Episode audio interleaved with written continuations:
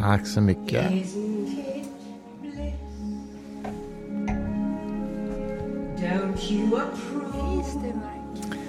Hallå larm. Jag ska ta ner volymen lite men jag vill att du ska först, eh, vad det är för någon musik vet du ju, men vem sjunger? Alltså, vet du vem jag tror det, tror det är? Nej. Judi Dench. Rätt. Nej! Jo, det är rätt. Det är Judi Dench förstår du. Du vet, jag skrattade åt att jag trodde att det är hon, för att jag tänkte att det kan ju inte vara hon. Och så blev jag fnissig över... Jag vet Men inte. det är det förstår du. Okej. Det här, alltså, Det här är inte jättebra. Eller är fint, förlåt. Jo, men jag tycker det, alltså hon är inte jättetonsäker, men hon sjunger med väldigt mycket uttryck. Alltså, det här är en sån här eh, konsert på BBC. Och det här är ju Steven Sondheim från eh, Little Night Music. Little. Little Night Music är det ju, Steven Sondheim, som bygger på Ingmar Bergmans film Sommarnattens leende, Va? tror jag. jo. jag- hittar bara på. Saker. Jag tror faktiskt att det är så. Lögn på kan vi- lögn. tills vi jag reagerar. Men jag tycker att hon gör den med väldigt mycket uttryck. Jag tycker hon gör den bra, men hon är inte supertonsäker. Nej, men Det- gör inget. Det är alltid jag som brukar tycka att det är okej att inte vara det, medan du är sådär jättepetig och svår med det. Oftast med män, har jag märkt. Ja. eh, Jag gillar inte Tom namn. Waits, jag gillar inte Leonard Cohen. För de, för de sjunger inte, citat, bra. Richard Wolff brukar ju folk lyfta fram. Han sjunger ju fa- faktiskt inte falskt ibland. Han sjunger falskt hela tiden. Han sjunger inte så mycket nu för Nej. tiden, dock. Det gör han inte. Han gick bort tragiskt ung. Och, eh, nej, men jag träffade honom några gånger. Det var en otroligt Sa du det till honom då? person. Varför, nej, sjung, det varför sjunger du falskt han hela hade ju, tiden? nej, men grejen är så här, han hade ju en fäbless för den franska chansontraditionen. Jag älskar ju den också med, med, med Jacques Brel och med Barbara och de här. Det är ju fantastisk musik. Och Brel sjunger inte heller så himla rent. Men han hade ett ett genuint uttryck som var utöver allt annat på något sätt som, som kunde ursäkta det. Men Richard Wolff sjunger inte, bra- sjöng inte bra. Men det var en väldigt fin Jag älskar människa. att du säger det. Bra. Hur känns det att du är, eller att han var, en kopia av dig utseendemässigt? Nej, det var han inte. Varför- Det var verkligen. Varför är ni så lika? Hallå. Du hade kunnat Alltså, spela i ingen Änglagård och ligga Ingen- där på en gravsten och se flörtig ut. Ingen håller med om Mot att jag. Brynolfsson som Ingen kommer håller ut. med. Alla om. håller med. Alla som lyssnar håller faktiskt Ingen med. håller med om Det att finns jag var ingen som inte håller med. Hur var det att spela in Änglagård 2? Vad har du för minnen från den inspelningen? Han var skärpt. Vad var roligast? Ja, var det när ni åkte till New York och spelade har in? däremot ro, minnen från en fest hemma hos Richard Jag vill Wolff dricka lite nu. Kan vi inte skåla så att jag får dricka Mona Salin. Of course. Mm, skål, så tar vi lite champagne. Mona är också som börjar, åh gud, jag vet verkligen inte hur det ska gå på det idag. Ena stunden är jag på väg att börja gråta för jag blir så rörd av låten och nu vill jag börja tokskratta utan anledning. ja, men alltså, Grattis till den här poddstunden med mig. det kan gå hur som helst. Jag Mm. är också bakis idag. I och med jag erkänner. Vi var ju på en otrolig party igår, Nobel. Ja, men jag vill höra om, jag vill party. höra Mm. om Rickard Wolff och Mona Sahlin.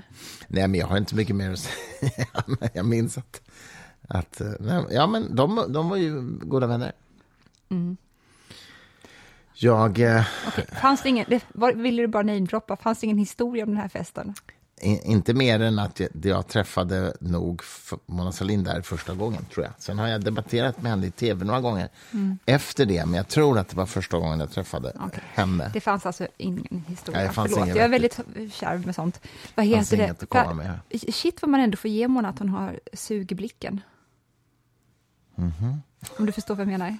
Nej, det gör jag inte. Nej. Alltså, alltså Ah, ja, ja. Vi, excuse vi Victoria ut. Larm. Nej, men excuse Victoria Larm.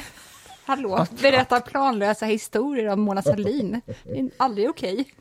Skål. Skål. Jag kan ju berätta att jag och min lillebror, jag har gärna kvar lite grann till i Änglagårdvärlden. Jag skrev med en av våra lyssnare faktiskt om Änglagård. Ehm, för att han också tydligen var uppväxt som jag i en sån by.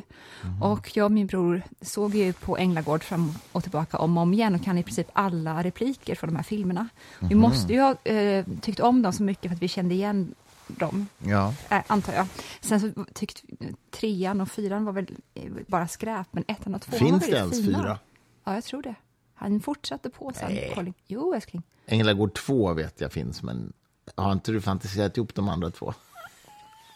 Alltså hur sjuk i huvudet vore jag om jag fantiserar ihop uppföljare Ja, alltså, till Du Änglagård-filmerna har också. så livlig fantasi. Du kom ju till mig idag och sa att eh, jag är trö- ett tecken på att jag är trött är att jag hör, vad sa du, Sjostakovitjs tredje symfoni i huvudet går hela tiden. Rachmaninov var det.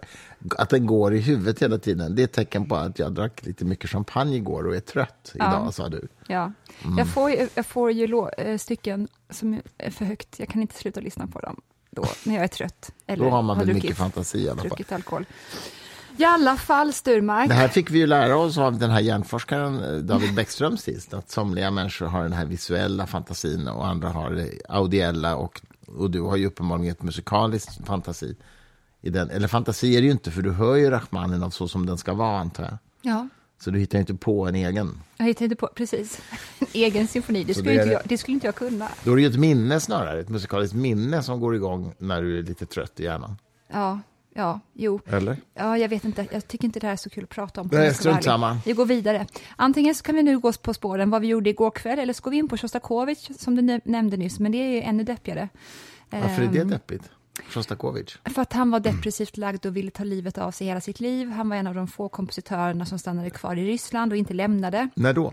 Eh, han dog 65. Jag tror att han föddes 1907 och dog 1965. Och han fick då x antal medaljer av eh, staten som lång och trogen tjänst och belöning och sådär.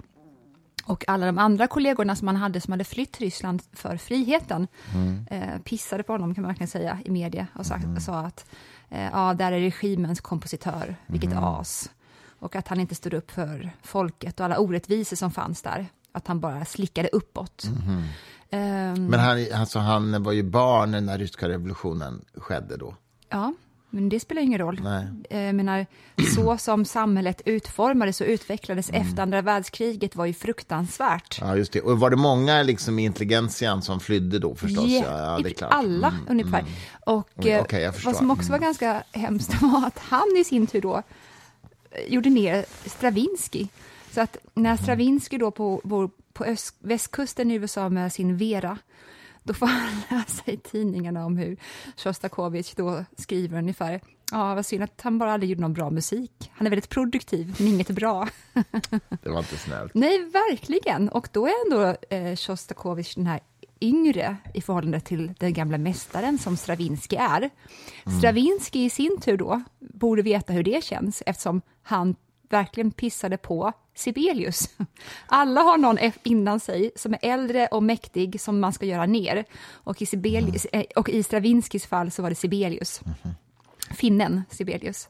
Men, the story goes, att eh, när Stravinsky då ett helt liv har pratat ner Sibelius, då när Sibelius till slut dör av alkoholism och är oförmögen att skriva klart den här åttonde eller nionde symfonin, minns inte, då åker ändå Stravinsky till Finland för att knäböja vid Sibelius grav.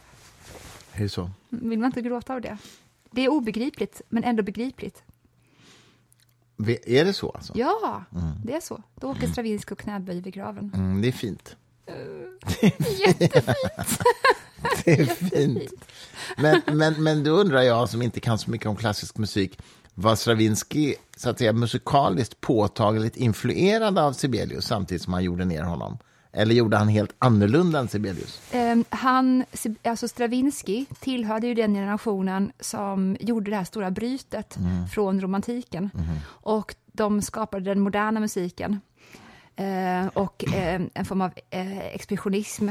Så att när man då skulle frigöra sig från det gamla sättet att komponera, då gick eh, Stravinsky i bräschen för det. Han var en av de som gick i bräschen. Och kanske då för att, då kanske det är så, en, det är en viss mognadsprocess också, eh, att man behöver eh, trycka ifrån jättehårt mot de forna för att frigöra sig.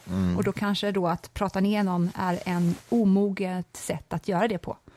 Ett slags fadersuppror. Ja, precis, alla har. Eller föräldrauppror, det behöver inte vara fadern kanske. Ja, precis, och som i den här eh, Varför kallas då, det fadersuppror och aldrig modersuppror? Därför att det är omöjligt att frigöra sig från mödrarna. Det är en, det är en, det är en, Men det är det väl inte? det är en fantasi. Äsch, varför skulle det vara det? det? Det är ju bara gamla patriarkala språkstrukturer som gör att det sig ett Hörde jag bara? Den lilla saken menar du? Gud vad roligt. Okej, föräldrauppror kallar jag det hädanefter. Men jag, tror, jag tror att det är, jag tror att, en, även ifall jag var raljant och lite rolig nu, så tror jag ändå att det ligger någonting i det. Ehm, Mm. Jag tror att de emotionella bindningarna som kvinnor har en förmåga att sätta i sina avkommor, Mm. eh, är inte fäder i lika stor omfattning eh, kapabla till att göra. På gruppnivå, obs. Ja, Det är därför, mm. jag ska bara tillägga det, det är därför vid skilsmässor, och det gäller ju verkligen än idag, oavsett ifall vi lever i ett icke-patriarkalt samhälle Mm. eller inte, så är det ju fortfarande så att männen efter skilsmässan blir väldigt ensamma Mm. och har inte lika bra kontakt med barnen. Nej, men det tror jag du har rätt i. Men jag tror att eh, statistiken går ju åt ett visst håll i alla fall. Att det är mindre så, tror jag.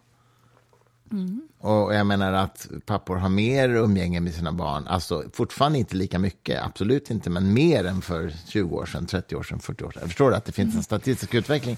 Och det, men det jag kan tänka mig är ju att, alltså om jag bara spekulerar, det skulle ju kunna finnas en bindning som har att göra med amning och det absolut första stadiet, som ju, det är uppenbart att modern är mycket närmare.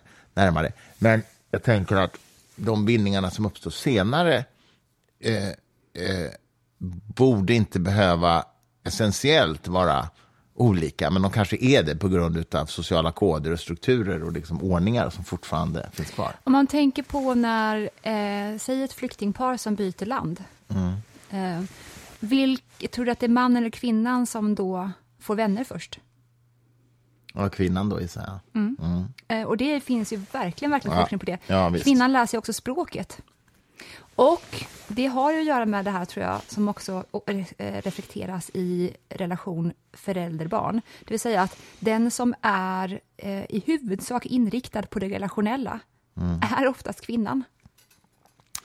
Samtidigt så berättade en eh, neuroforskare för mig på KI för ett tag sedan om det här, en studie om det här med att när man blir förälder, att man som, att de hade kollat på mödrar som hade blivit mammor, att de hade mycket svårare att se våld och grymheter på tv eh, efter att de har fått barnen innan.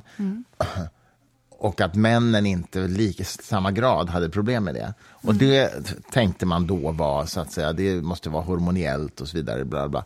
Men sen så har man då tittat på studier där man har kollat på föräldrapar, väldigt specifikt utvalda föräldrapar där pappan har varit lika närvarande som mamman från början, vilket då är ganska ovanligt. Eh, trots allt. Och då ser man att effekten blir densamma för båda. Så att även männen har svårt att se det här eh, i de fallen där de har varit det. Vilket då talar för att det kanske fortfarande är en socialt formad, att det formas av beteendet. Att i de färre fall där männen verkligen har varit närvarande lika mycket som modern, då får de lika mycket problem med det. Ja, i Det kan ju fortfarande vara det hormonellt, det men kausaliteten är omvänd, kan vara omvänd. I det här specifika fallet låter det ju verkligen Mm. som att det är det. Men om man bara ser på, på vilket sätt som vi samtalar med varandra, Mm. vilket jag, jag tror att man ändå kan säga att när män samtalar med varandra eller i grupp, Mm. Då pratar man inte så mycket om hur saker och ting känns eller hur ser relationen till den och den personen ut för dig just nu och hur har den utvecklats. Så om du jämför med hur du mår nu med hur du mådde tidigare. Eh, det är det som har gjort att i alla fall jag har haft ganska svårt för att umgås med kvinnor eftersom jag är så dålig på den sortens språk. Eh, jag kan inte det relation- relationella språket jätte, jättebra. Ehm, och jag tror att det kan inte vara så att det bara är, eller i huvudsak är en, en social konstruktion, att vi o- använder oss av så skilda språkspel sinsemellan. Och det är just det här språkspelet, eh, när man då är med sina barn, när man frågar dem om sådana djupare saker, om mående och sådär. Det är det som skapar de här banden på ett annat sätt än om man bara pratar om ehm, planering. Det skapar, jag tror att vi, om man, pratar, om man förhåller sig till vissa språ, ämnen att ta upp, då finns det ämnen som skapar eh, bindning bättre än andra sorters samtalsämnen. Mm, jo, det och samtalsämnena som männen ofta för är inte bindande.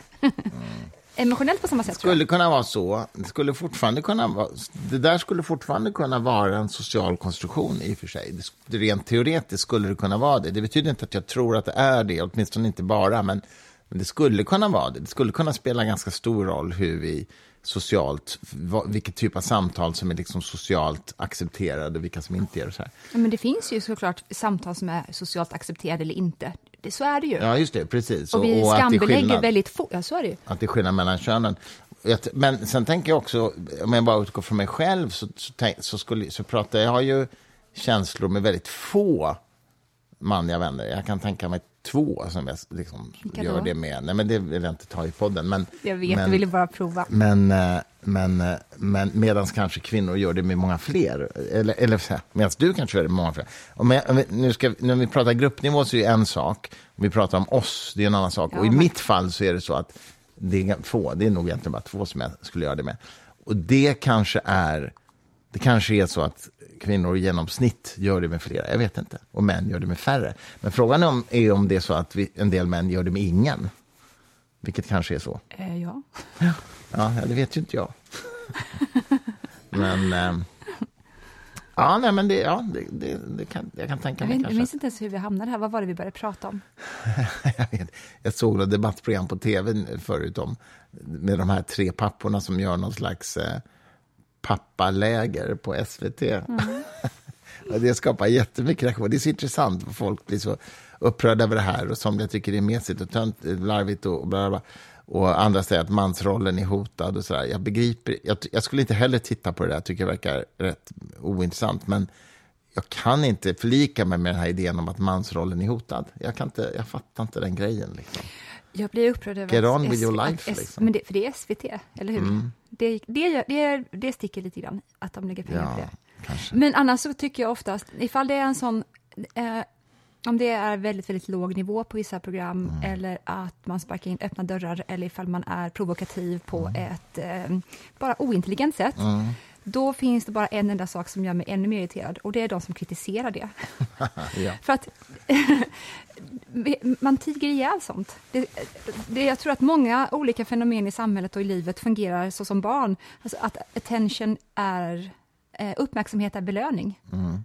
Man ska, Mm. Ja, inte, man ska bara bort. Klassisk Pavlovsk betingning. Ja, jag vet, tycker att det är så. Desto mer uppmärksamhet, desto ännu mer belönar man den sortens fenomen, oavsett om uppmärksamheten är positiv eller negativ. Ja, men alltså, ja, jo, det, det tror jag du har helt rätt i. Och, eh, för, för, jag, jag, jag förstår inte varför, det blir, varför folk blir så upprörda över det programmet. Jag kan bara inte förstå heller varför man, någon skulle titta på det. Liksom. Nej, Det, det vill säga, jag är verkligen någon slags mittemellanläge där. älskling. Jag vill hellre se på dokumentärer. Gud, vad manligt det lät. Men det vill jag också. Ja, jag vet, Du du vill vill ju det ännu mer. Ja, det vill jag faktiskt. Alltså vet du, jag är så trött idag efter det här buslivet igår kväll. Men det var ändå väldigt kul. Mm. Med ikväll, vi spelar ju in det här lördag, det är Nobelbankett ikväll. Det ska vi se Ja. från tv-soffan hemma. Eh, vi är inte bjudna och, och just idag tycker jag det är skönt, även om jag annars gärna hade velat gå. Mm. Men idag känns det som att jag hade inte orkat gå ut. Därför vi var alltså på ett, ett en, vad ska man kalla det för, mingel till to honor de, de Nobelpristagarna igår kväll. Ett slags mingel för alla Nobelpristagare. Ja, men inte eh, NO. Jo, jo Var där? de var nog där också. Mm, det skulle jag tro. Eller jo, det, det, det, det var... Alltså, jag vet inte om hon var där, men normalt sett är hon där. för att det här är för alla Ah, okej. Hon Nobelpristagare. kanske bara tog igen sig lite grann. För jag spanade verkligen, men tänkte att nej, men det... det alltså jag, det, jag skäms nu, men jag erkänner det här. Jag fattade inte vad jag var på igår. Nej, så kan det Märkte vara. du det också? Kanske på att jag taggade fel grej? Alltså, jag visste inte vad jag var på! Ja, du taggade dem ar- de Aderton ja, Ja, på Insta. ja. Fast grejen är att jag de var, nog det var- där. De jag- var nog där, många av Jag, dem. jag smyg tog bild på Malmö, så att ha, de var där. Var du paparazzi-fotograf igår? Ja, det har varit idag också på dig om du har märkt det. Ja, men det ska vi inte tala om nu. Nej, men så här. Det här är ju Nobelstiftelsen som arrangerar. Okej, det fattade inte jag heller. Vilket innebär de som förvaltar Nobels testamente, helt enkelt. Ehm, Vad betyder det? ja, att de ha, har pengar. Har, pengar har pengarna. Men det har ju inte de, det har ju olika, det där sköts ju av, av proffs, Ja, men, det är pengarna. ja, men, de, det, jo, men de förvaltas ju av en stiftelse. Okej, så att de skriver på Men jag menar, nej, men det deklaration den, varje år. det här typ. är den organisation som förvaltar det uppdraget som testamentet Mm. har skapat, nämligen Nobelpriset. Och eh, i detta så ingår ju eh, även eh, litteraturpriset som sen att utse vem som ska få det har ju delegerats till Svenska Akademin i det fallet. Och att få kemi och fysikpriset har ju ut, utsätts, utses ju av Kungliga Vetenskapsakademin. Och sen är det ju medicinpriset som Karolinska institutet utser. Och sen är det ju då det här ekonomipriset som inte är Nobelpriset. Kommer Macchiarini få det någon gång, tror du? jag tror inte det. Men ekonomipriset är ju inte Nobels, utan det är ju Riksbankens pris till Jag, jag vill också bara... eh, Men alla, alla ska gå på det här minglet. Alla ska gå på minglet. Vad bra att du också vallade runt mig där och jag visste inte vad det var för någonting vi var på. Jag Du vill tro- också understryka att Du trodde jag, att det var Svenska Akademin alltså? Jag, vet, jag, jag kände också lite under kvällens gång att jag har varit här för länge för att fråga nu. Förstår du? Where am I? Svenska Akademin ska, du, ska vi this? gå på om exakt tio dagar. Då Svenska det, Akademin ska vi gå på om vadå? då är det Svenska Akademins högtidssammankomst om tio dagar. Då är det frack och långklänning. Alltså jag är så förvirrad gäller. nu. Då är det det 18. Ja, då är det de 18. Ah, ja, Okej, Mm. jag vill också understryka att jag sa Arnaud om hon var där, inte Arnaud. Jaha, ja, det är viss skillnad. Ja. Det är inte kulturmannen du spejade efter alltså. Jag Nej. förstår. Äh, nej, precis. Nej. Nu är ju, vad heter det verkligen, Kulturmannen-platsen fri, up for grabs, om man känner för att vara ansiktet utåt för en sån sak. Ja, men att skapa ett nytt forum det vore ju kul. Ja, det finns ju vissa planer, har jag hört. Skål! Skål! Börjar du pigna till lite nu? Nu fick jag lite det? champagne i mig, så att nu börjar jag vakna. Det här är en årgångschampagne, så att det är inte så mycket kolsyra i. Jag gillar inte varför det ska vara så. Jag, jag, Mhm. den var jag förstår ju att det ska vara så. Nej, men min highlight från igår var ju ändå, måste jag erkänna, att vi fick prata ganska ordentligt med de tre fysikpristagarna om, om kvantfysik. Det var otroligt kul alltså. Alltså det var otroligt kul. Och Seilinger, Anton Seilinger, som ju är den som har eh, gjort de senaste, ska man säga, experimenten och utvecklat experimenten inom kvantfysik.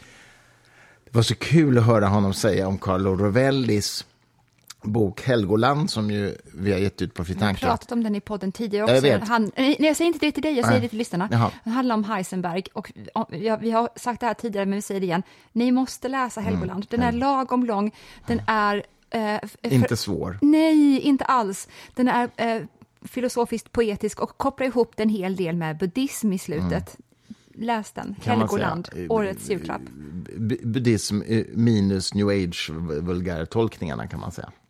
För det är ju Rovelli allergisk mot, det är han ju väldigt tydlig med. Men vi kommer aldrig någonsin rekommendera någonting. Som, nej, jag, vet- nej, jag vet, men det är ändå, jag, jag säger det till lyssnarna också. Men det roliga är ju, tycker jag, det är att Seilinger säger att jo, men han hade ju läst Helgoland, men han tycker att Rovellis, inte, vad heter det, Interpretation. ja, tolkning av kvantfysikens verklighetsbeskrivning är alldeles för konservativ, säger han. Och det säger... Och jag vet inte vad han menar, men det ska vi få veta. Han skulle Och mejla det om säger det. Seilinger, som är uppskattningsvis 20 år äldre än Rovelli. Mm. Ja, säkert någonting i den stilen. Ja. Ah. Eh, Men jag vet, det är jättekul. Och han lovade ju att mejla ett par texter han har skrivit om detta. Det, det ska bli oerhört spännande att se vad det är för någonting.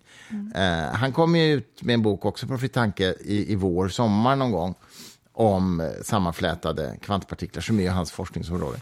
Ehm, men det här verkar ju vara grejer han har skrivit nu, eftersom Rovellis bok är ny. Jo, precis. Jag tror han sa det också. Eh, vad var det jag tänkte säga? Och sen pratade vi med denna underbara Asper, Alain Aspert, den franska kvantfysikern som ju var glad som fan. Det var lite sent på kvällen och Mm. det var jättemycket gratis champagne.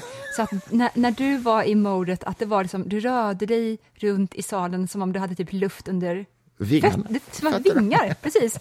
Och eh, du hittade lite din like i det där tillståndet i Asper. Ja, det får man säga, för att han, han ja precis, han, var också pigg. och man fick ju en indikation på att du skulle ha en like i honom på festen när vi såg på Vetenskapens Värld, då de gjorde porträtt på de här olika fysikerpristagarna. Mm. Och eh, alla, eh, förutom Asper, eh, gestaltas i labben, men mm. Asper gestaltas i sitt hem där han öppnar ännu en flaska rött till lunch. Och lagar mat samtidigt lagar som mat. han blir intervjuad. Ja. Det tyckte jag var mysigt. Det var franskt.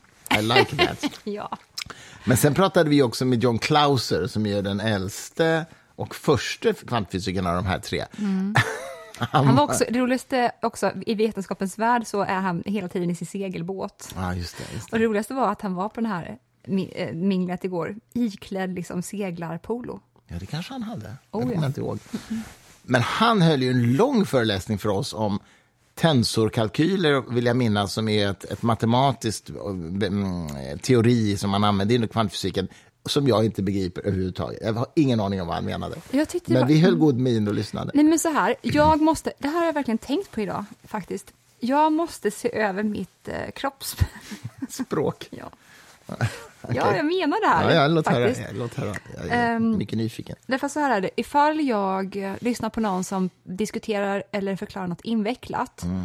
Eh, om jag begriper allt den personen säger, har jag märkt med mig själv att jag inte rör en min. Mm. Jag bara koncentrerar mig. Jag är helt stilla med huvudet. Mm. Men om någon eh, och om det också känns som att den i all välmening förklarar någonting, det vill säga mm. att okej, okay, ni begriper mycket mindre än, än jag gör, men nu ska jag mm. berätta det här för er då vill jag belöna den personen med att nicka mm. när den säger någonting. Mm. Typ, tack för att du har sagt det här, berätta vidare. Mm. Vi vill ha mer. Mm. Jag nickar liksom då. Mm.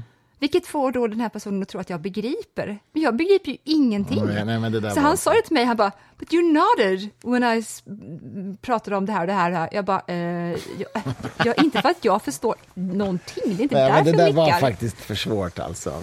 Det är roligt att han inte förstod det jag borde ju ändå, jag är ändå matematiker i botten, jag borde, men det är så länge sedan så att jag, ja, jag vet Men berätta verkligen. det roligaste eh, som vi frågade honom, vad man måste ge upp för någonting för att få ihop ja, den klassiska det. fysiken ja, med... Jag frågade... Kan du bara, ge, om du orkar, mm. om du tycker att det behövs också såklart. Eh, alla kanske inte känner till att eh, för att få ihop den klassiska fysiken med kvantfysiken eller kvantmekaniken, för att få mm. det att gå ihop till en eller för att göra en tolkning som går, går ihop överhuvudtaget. Ja, det. Ja. Mm. Så måste man ge upp en sak utav... Kan du berätta vad, som, vad alternativen finns? Ja, men, ja. Eller, typ. Vilka, vilka? Jag tror att vi har pratat om det förut i podden i och för sig. Men jag tror att, som jag förstår det, måste man ge upp antingen realism eller lokalitet. Och det eller möjligen tidens gång, att, den, att mm. den inte kan gå åt andra hållet. Men det kan jag inte ens förklara varför det är en aspekt i det här. Det begriper inte jag just nu i alla fall. Men lokalitet är ju att ett objekt bara finns på en plats och inte är utspridd, så att säga. Att ett objekt är på en plats i rummet. Och eh, realism är ju att, eh, att objektet har egenskaper innan det mäts. Att de är bestämda, bara det att vi inte känner till dem. så att säga.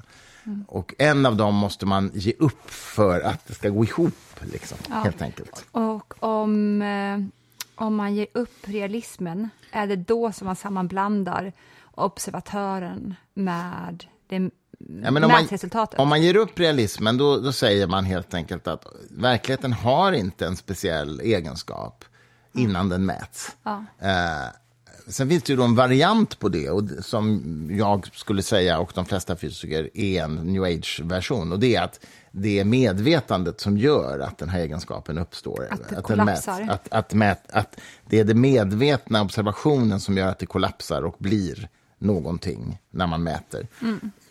Det är ingen fysiker idag seriös som, som håller med om det. Däremot så säger nog alla fortfarande att om det sker en mätning, det behöver inte vara ett medvetande som mäter, det kan vara en apparat som mäter, mm. då, då uppstår egenskapen. Mm. Eh, det, om man tänker så, då har man gett upp realism, för då, är, då finns det inte där innan det, innan det mäts. Så att säga. Ja. Eller så måste man ge upp lokalitet Fast grejen är så här, som jag fattar det just med den här sammanflätningen, verkar som man måste ge upp lokalitet i alla fall, därför att de här objekt, de här partiklarna har ju någon jävla koppling, även om de är på olika platser. Ja. Jag kan, jag kan inte Ja. det här tillräckligt bra. I alla fall, det var väldigt, väldigt fint när vi frågade honom då, vad tror du att vi måste ge upp för någonting? Och det var så underbart att eh, han sa, I don't know, I don't know. Nej, jag har ingen aning. Ja, precis. Det var så fin stund. Och han är liksom den som kan the mest. typ. brainiest of the brainy. På det här. Ja, nej, men alltså, jag får inte ihop det. Jag är ju inte fysiker, så att jag, jag kan inte, men det är spännande. Om man släpper det så tycker jag ändå att Anna är väldigt rolig. Vi hade ju väldigt många roliga samtal igår kväll, men det var väldigt kul att prata lite med Emmanuelle Carpentier som eh, kvinnan fick Nobelpriset 2020 i kemi faktiskt, inte medicin, men det handlar ju om gens, genteknik. Men eh, som uppfann tillsammans med Jennifer Doudna eh, CRISPR-Cas9, gensaxen som det har kommit Ja, att kallas i populärkultur. Men det, det är ju vad det är, att man kan klippa och klistra ihop gener på ett visst sätt. Och troligtvis kommer man kunna fixa massa svåra genetiska sjukdomar och sånt med hjälp av den här tekniken. Ja. Och det är en teknik, det är ett verktyg de har skapat. Det är inte en upptäckt eh, i termer av att man har hittat någonting nytt i naturen. Man har Nej. utvecklat ett verktyg. Verktyg, precis. Man har uppfunnit ett verktyg, skulle man kunna Är säga. du inne, orkar du nu, jag märker att du nosar på Päbo-debatten, men orkar du verkligen den nu? Det tror inte jag att du gör faktiskt. Nej, men, fast den har ju inte med det här att göra. Jag använder bara samma begrepp. Ja, ja exakt. Ja. Nej, men det, det har ju skrevs ju på DN Kultur om Denisova-människan och ett par vetenskaps, eh, inte vet jag, sociologer eller vad de nu var, som menade att Denisova-människan är uppfunnen av forskarsamhället och inte upptäckt. Och, och, och jag vänder mig mot det. Jag tycker det är ett felaktigt språkbruk. Däremot så är det ju naturligtvis på det viset att Denisova-människan är ju en egen människoart, som neandertalmänniskan, Homo floresiensis, som vi pratade om i förra podden, eller förra, förra. Ehm, och det är klart på det, att det är så att om man definierar olika arter så gör man ju det utifrån ett kriterium som är att det är tillräckligt stor skillnad på det genetiska, den genetiska basen för att man ska säga att det är två olika arter och inte samma. Och den, den kriteriet är ju vi som har skapat. Vi har sagt att det här räknas som två arter om det varierar så här pass mycket.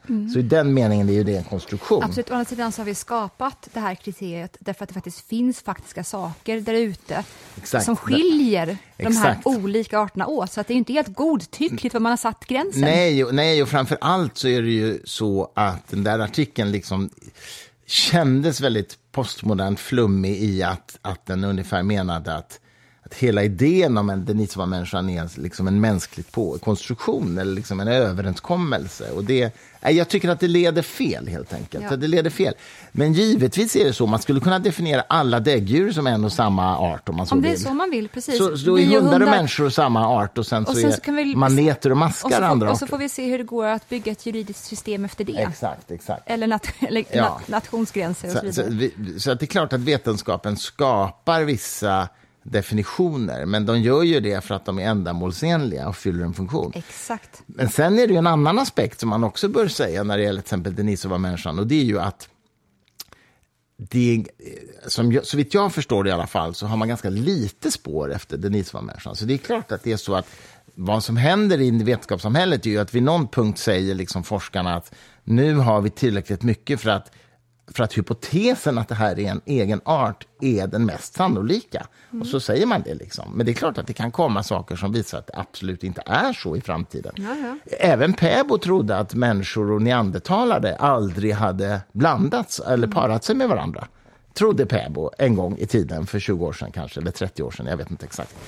Och sen har han sagt så här, nej men nu har vi evidens för att, det, att jag hade helt fel om det. De har blandat sig.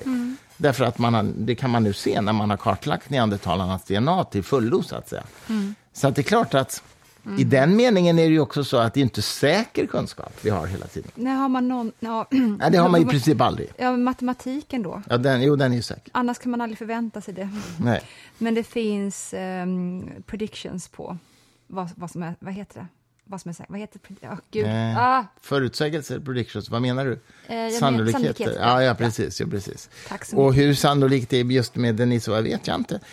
Homo floresiensis är till och med kanske ännu mer osäkert. För det finns till och med forskare som säger att det kanske är att det kanske faktiskt är alltså de här skeletten man har hittat i Flores, att det är dvärgar eller att det är människor med genetisk skada, så att det inte är en egen art. Aha.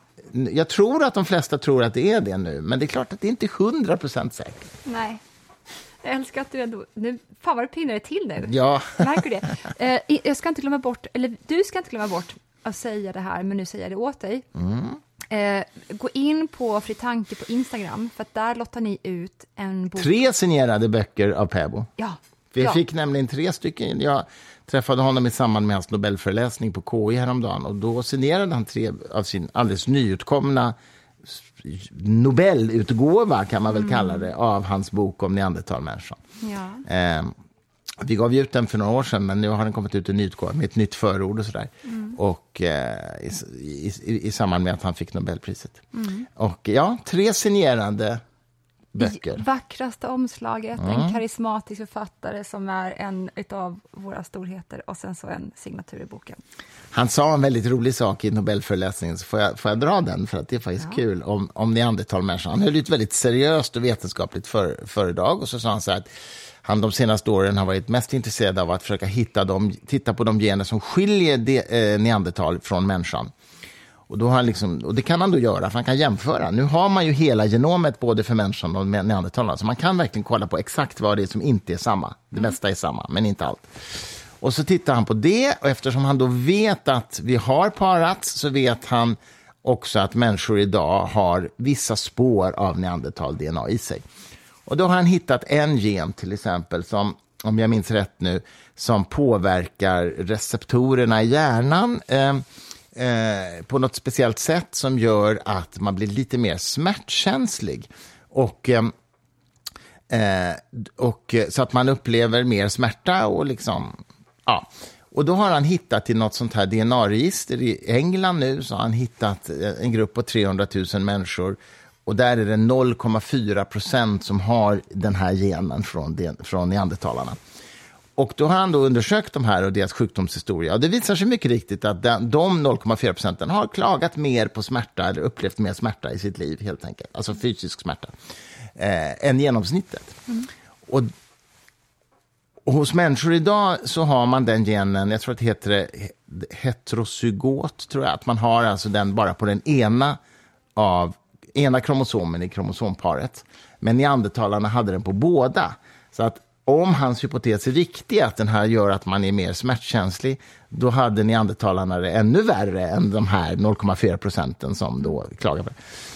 Så då berättar han om det här mycket seriöst och mycket invecklat och så lägger han bara på en slide, på en väldigt märklig bild och så säger han att neandertalarna um, mm, there is this myth that they were very brutal and aggressive, but maybe that it, they were the opposite. Maybe they were just wimps, säger han då, eftersom de var smärtkänsliga och känsliga med den här hypotesen. Maybe they were just wimps, säger han. Och du vet, hela, alla bara så här, Va, vad sa han?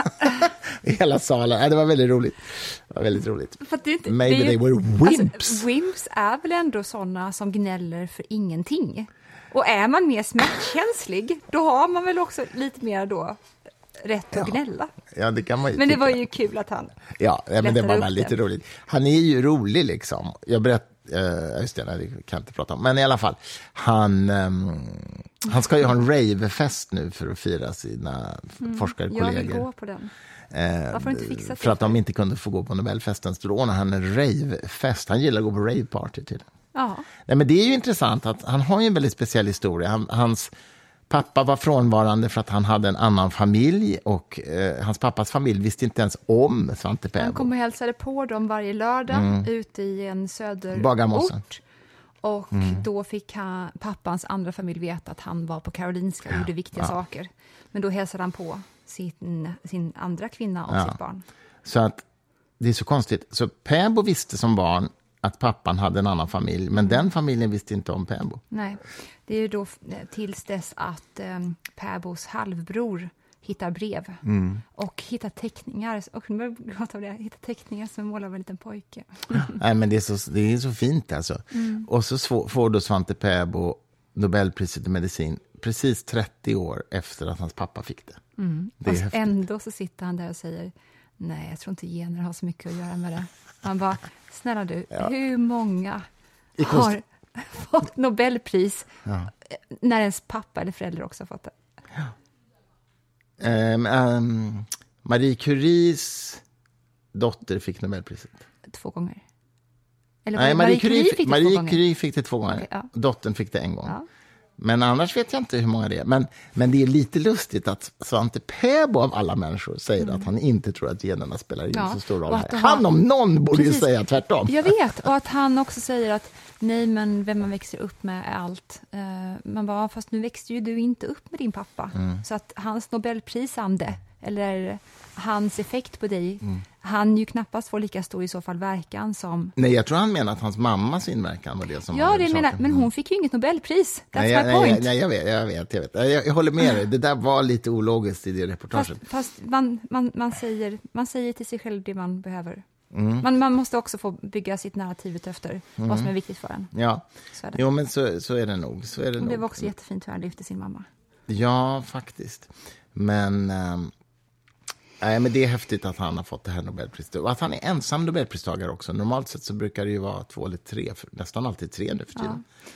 Mm. Precis, jag skulle vilja äh, se någon, dokumentärfilm om alla striderna som måste ha funnits kring Nobelpriset. Ja, det är så, här, ja. så många forskare och forskarstudenter måste ju ha känt sig jättebittra över att de inte fick vara med på de här Mm. Ja, prispengarna. det, ju, eller. De värsta historierna, the worst stories. De blir ju offentliga först 50 år senare. Så att eh, varje år... Nej, men jag menar, jag menar, just nu ute i den akademiska världen Ja. så finns det ju ont blod. De Ja, kan ju ja, ja, skriva jo. artiklar om det här, Ja, de ja, behöver ju ja, inte mm. vara tysta. Nej, nej, det har du rätt i. Nej, det är riktigt. Vad jag menar är att Nobelkommitténs överväganden blir offentliggjorda 50 år senare. Ja, ja, ja. Så att i januari, tror jag det är, varje år, så kan man alltså ta del av diskussionerna för 50 år sedan. Alltså Mm. nästa år, det år, 50 år sedan pris. Men Mm. absolut, det finns ju forskare där ute som kan tycka en massa saker i offentligheten. Det har man inte hört så mycket om. Nej, precis. Det måste väl vara att det finns någon konsensus kring i, hos de största mm, tidningarna att man, Inte man det. publicerar inte Nej, sånt som är till för att sprida gift. Nej kanske. Kring detta. Kanske. Ja, I suppose. fan, Men tror- du, ja, eh, vad kanske. var det jag Mm. tänkte säga? Ja, ah, gud, nu tappade jag hans namn. Vem är det som Christopher Nolan ska göra en film om? Eh, American... Det är Robert Oppenheimer. Oppenheimer. Fick han Nobelpriset? Tror inte det. Mm, Å andra sidan, inte eftersom det. ska verka för människans Ja, väl och ve. ja. Å andra sidan ska man tänka då att det är på så vis som FN grundar att de har soldater. Det vill säga att man kan skapa en form av militärbalans eller våldsbalans mellan andra, Mm. Ja. andra makter. Ja. Och det är ju det som egentligen då eh, eh, den här sortens kärnvapen också Ja. kan bidra med i så fall. Jo, jo, terrorbalans. Mm. Nej, men det vore väl kanske lite magstarkt ändå, tycker jag kanske. Verkligen. Men jag tror inte han har fått i alla fall. Det, det, men det kanske vi har nämnt förut i podden, utan vår författare Bill Browders pappa jobbade ju för Robert Oppenheimer. Det är lite kul, Ja, otroligt. eh, Det är otroligt. faktiskt. Herregud. Och hans farfar, eh, Bill Browder, var ju kommunistpartiets ledare i USA. Ja. Eh, jag tror att vi har nämnt det förut, men det är ändå lite kul faktiskt. Ehm, Christopher Nolan gör ju en film om Oppenheimer Ja, som gud vad kommer kul det ska bli i juni nästa år. Och vi kommer ge ut den stora biografin om Oppenheimer på svenska som filmen bygger på. Åh, Det är faktiskt mysigt. perfekt. Vi ska avsluta snart nu, Ja, för att jag börjar vi. känna att jag börjar bli trött igen. Nej. Men apropå film så ska Varför ju är vi vi... trötta? Ja. för att vi, vi ska gå på eh, A Man Called Otto, På tisdag. premiären på tisdag. Och vi ska få se på Tom, se på Tom Hanks. Han kommer hit, ja. Han kom hit med sin fru, fru Rita. Jag har ju börjat misstänka att Tom Hanks egentligen är jätteotrevlig. Jag, jag tror att Får han... vi fråga honom. Ja, det kan jag göra. Eh, men vill fortfarande hävda att Rädda Menig Ryan är eh, topp tre bästa filmer som någonsin har gjorts. Verkligen. Så att Jag jag älskar honom för det. Ja, så det tycker du? Tycker Det är det. lite för mycket krig i Rädda Menig Och jag, vill jag, för att knyta ihop säcken, blev jättekänslig för att se våld på film när jag fick barn. Verkligen. Det var jag, men jag var verkligen inte det innan. Jag kunde se på alla, vad fan som helst. Nej. Nu kan jag inte det alls. Är det sant, alltså. Ja, det är en Kunde du se jätteskillnad. på saker förut? Nej, men inte exakt vad som... Ja, mycket mer Jag än bara, nu. kunde du se på saker förut? Som att nu kan du inte se på något. Nej, men, jag- ja, men visst, jag kunde. Ja, absolut. Jag är Fast mycket ett- känsligare ja, nu. Ja, fast ja, det här, Men det är tåls att- anekdotisk det evidens. Att, det här tåls att gräva i, för att det, du är som alla andra människor inkonsekvent. Du Mm. kan inte se på en krigsfilm, men du kan säga till mig, ah, kan vi se på den här serien nu om den här seriemördaren som gömmer inälvor i sin frys? Och jag bara, spyr? Nej, verkligen inte. Sitter du där typ och äter popcorn till. Jag bara, what? Du bara, åh, jag är så känslig för att Ja, men- kolla på ja. våld och sånt. Sen bara, åh, ännu en seriemördardokumentär. Fast skillnaden är att man slipper ju se dem begå morden där. Det spelar ingen roll. Jo, det, gör, det är faktiskt Nej, det, det, det, nej. Jag kan inte se tortyr eller barn som far illa på film. Eller eh, liksom, jag tycker jobbigt med när människor skadar varandra på film. Alltså. Även om det är spelat så vill jag inte se det. Än mindre naturligtvis i nyhetsrapportering vill jag ännu mindre se det. Men även spelat. Min pappa lärde mig, som var filmare, eh, i alla fall en del av sitt liv. Han lärde mig en sån bra grej. Det var så här, så fort du ser någonting som är lite för obehagligt för att se, tänk dig då allt det som är precis utanför bild, nämligen mikrofonerna som hänger precis ovanför den här personen, ljusstrålkastarna som står precis utanför bilden och så här. Visualisera det, visualisera inspelningsplatsen. Och det hjälpte mig när jag var barn i alla fall. Och hjälper dig igen nu då? Ja, fast nu undviker jag ju att se sånt där i alla fall. Men det skulle, om jag tvingade mig till att se det så skulle jag nog använda mig av det. Ja. Okej. And on that happy note. Nu ska vi faktiskt gå och kolla på prisutdelningen.